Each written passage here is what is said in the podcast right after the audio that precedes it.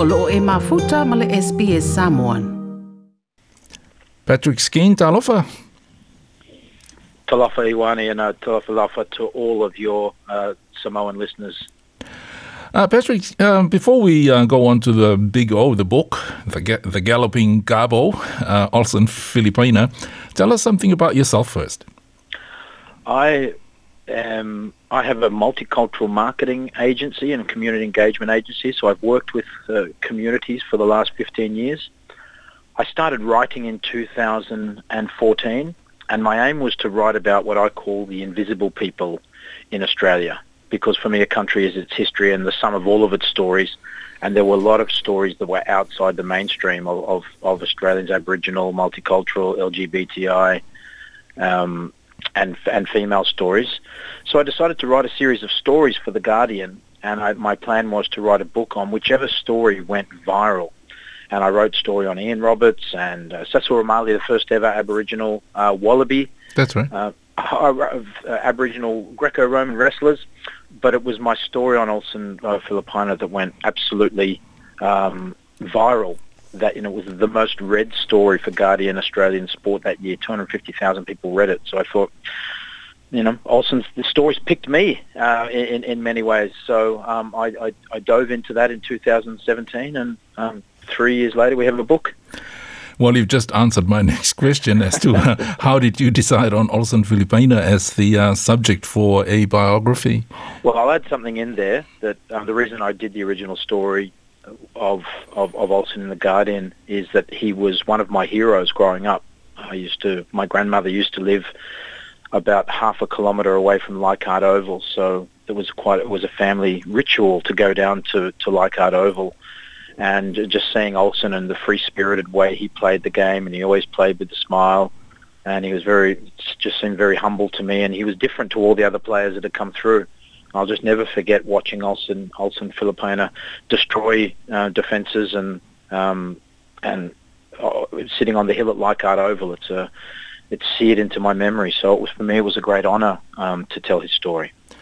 The reviewers are raving about the book, um, mainly about the way that you've written uh, about somebody else's story. This this time, Olsen Filipaina from South Auckland, of Samoan background. How did you get around to it? How did you get the material? And um, tell us some of the people that um, you spoke to. Well, I, I, I work in multicultural and I've worked with Pacific communities for 15 years. Um, rugby league, Commonwealth Games, a whole range. I've worked with a lot of Pacific leaders. So the very first thing uh, I needed to do was to get permission from um, the, from the family, from so from Alf Filipaina, his, his brother, who's a councillor on Auckland Council. I went and met with all the family and got permission, and Olsen's partner Leslie, who is a, a Maori, uh, his his Maori partner, and I got permission from both sides to tell his story. And I also said to Olsen, this needs to be warts and all. We've got to tell about the good stuff and the bad stuff, or it's not really um, it's not really going to do your story justice. Because without context, Olsen's story is a very sad story. He encountered a lot of racism, but with the context and, and, and what it's led to with the Pacific Revolution, it can actually be looked at as a you know he's he, he's a pathfinder and um, and and and and and not only um, New Zealand, Samoans and Maori, um, but also a lot of Aussies loved Olsen on this side of the ditch as well. And so this story was for them because we were horrified on the way Olsen was treated and the stereotypes Olsen has. It, it, it didn't fit with my view of all, I remember Olsen just being a devastating player, and a lot of people said he's a lazy or enigma. And I thought I'm going to uh, explore this. So I read every rugby league week, every big league magazine from the time Olsen played, and I was shocked how well he played. So like a detective, I thought I'm going to do some more research in this, and I found out that a lot of the times Olsen got dropped to reserve grade was not because of his playing form, it's because he'd had a cultural clash with the coach. Mm. The coaches back then were like tyrants. You couldn't argue with them. Now, if you lose the dressing room now, which a couple of coaches have recently, you're finished. But that wasn't the way it was back then. You, players had no say. There was no real players' union, and the players were just at the mercy of the coaches. You're talking about coaches. Uh, tell us ab- about Graham Lowe. What sort of coach was he?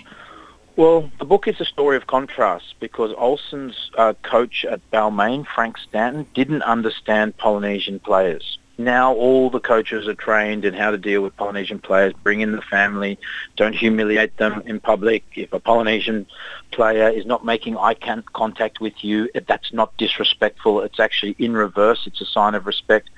Frank Stanton and all the Australian coaches at the time knew none of this.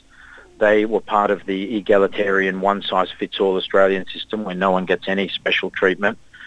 Graham Lowe was different. He'd grown up in Otahu. He had uh, been played alongside and played under Polynesian coaches. And New Zealanders are far more advanced in dealing with their uh, Pacific and indigenous peoples than than we are.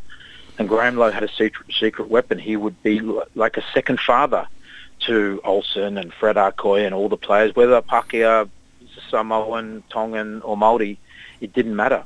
He was like a second father. He would be harsh on them all, but harsh as a collective. He wouldn't single people out and humiliate them.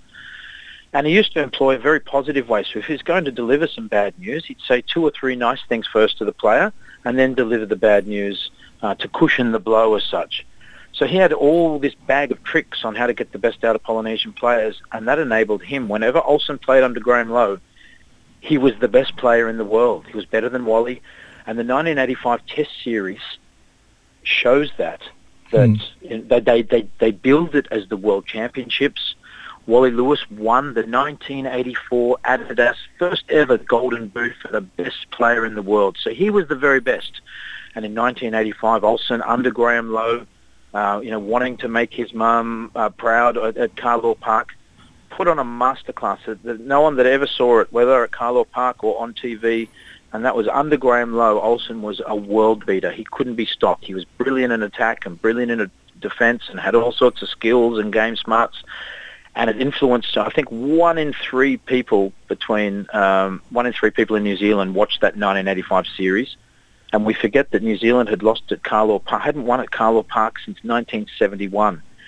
And that third test where they crushed the Aussies 18-0 with Olsen um, and James Leuluai and just this mix of Pakeha and Maori and Samoan and Tongan.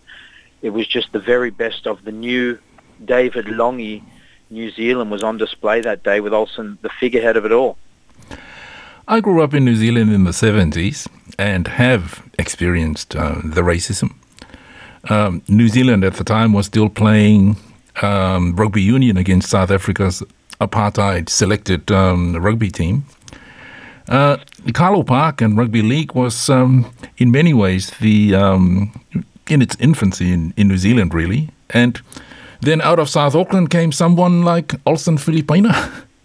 Yeah, he just he, he he just rose up, and Olsen's favourite place in the world was Carlaw Park.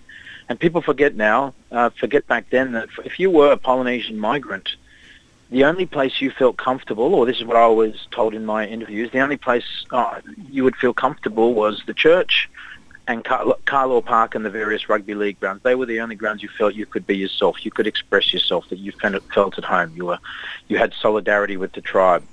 And uh, in answer to your earlier question, in, in gathering my information, um, I spoke to James Leuluai, you know, the Mad Butcher, uh, Kevin Tamati, I spoke to uh, Fred Arkoi, is just really a truly amazing man. Gary Kemble, Dane O'Hara. I spoke to Mark Graham, the Sorensens.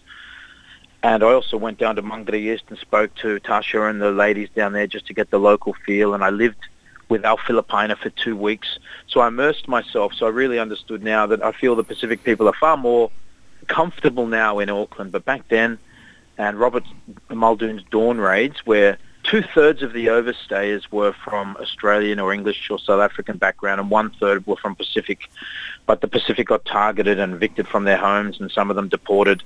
And when you see that sort of latent racism where one group who's committed the same offence are treated so differently from another, that's going to stick in your brain. And, and that Kiwi team of 1985 with everyone together, for the first time, a lot of the Polynesians felt like New Zealanders because mm. they've been excluded and treated badly and you know stereotypes and you're never going to amount to anything. And that gets in your brain sometimes and it causes a lot of mental health issues and it's that soft racism in addition to the hard stuff the people not calling you a name but never really believing you're going to, to, to amount to anything. Like share mafaali sa ufinangalo muli muli ile SBS Samoan ile Facebook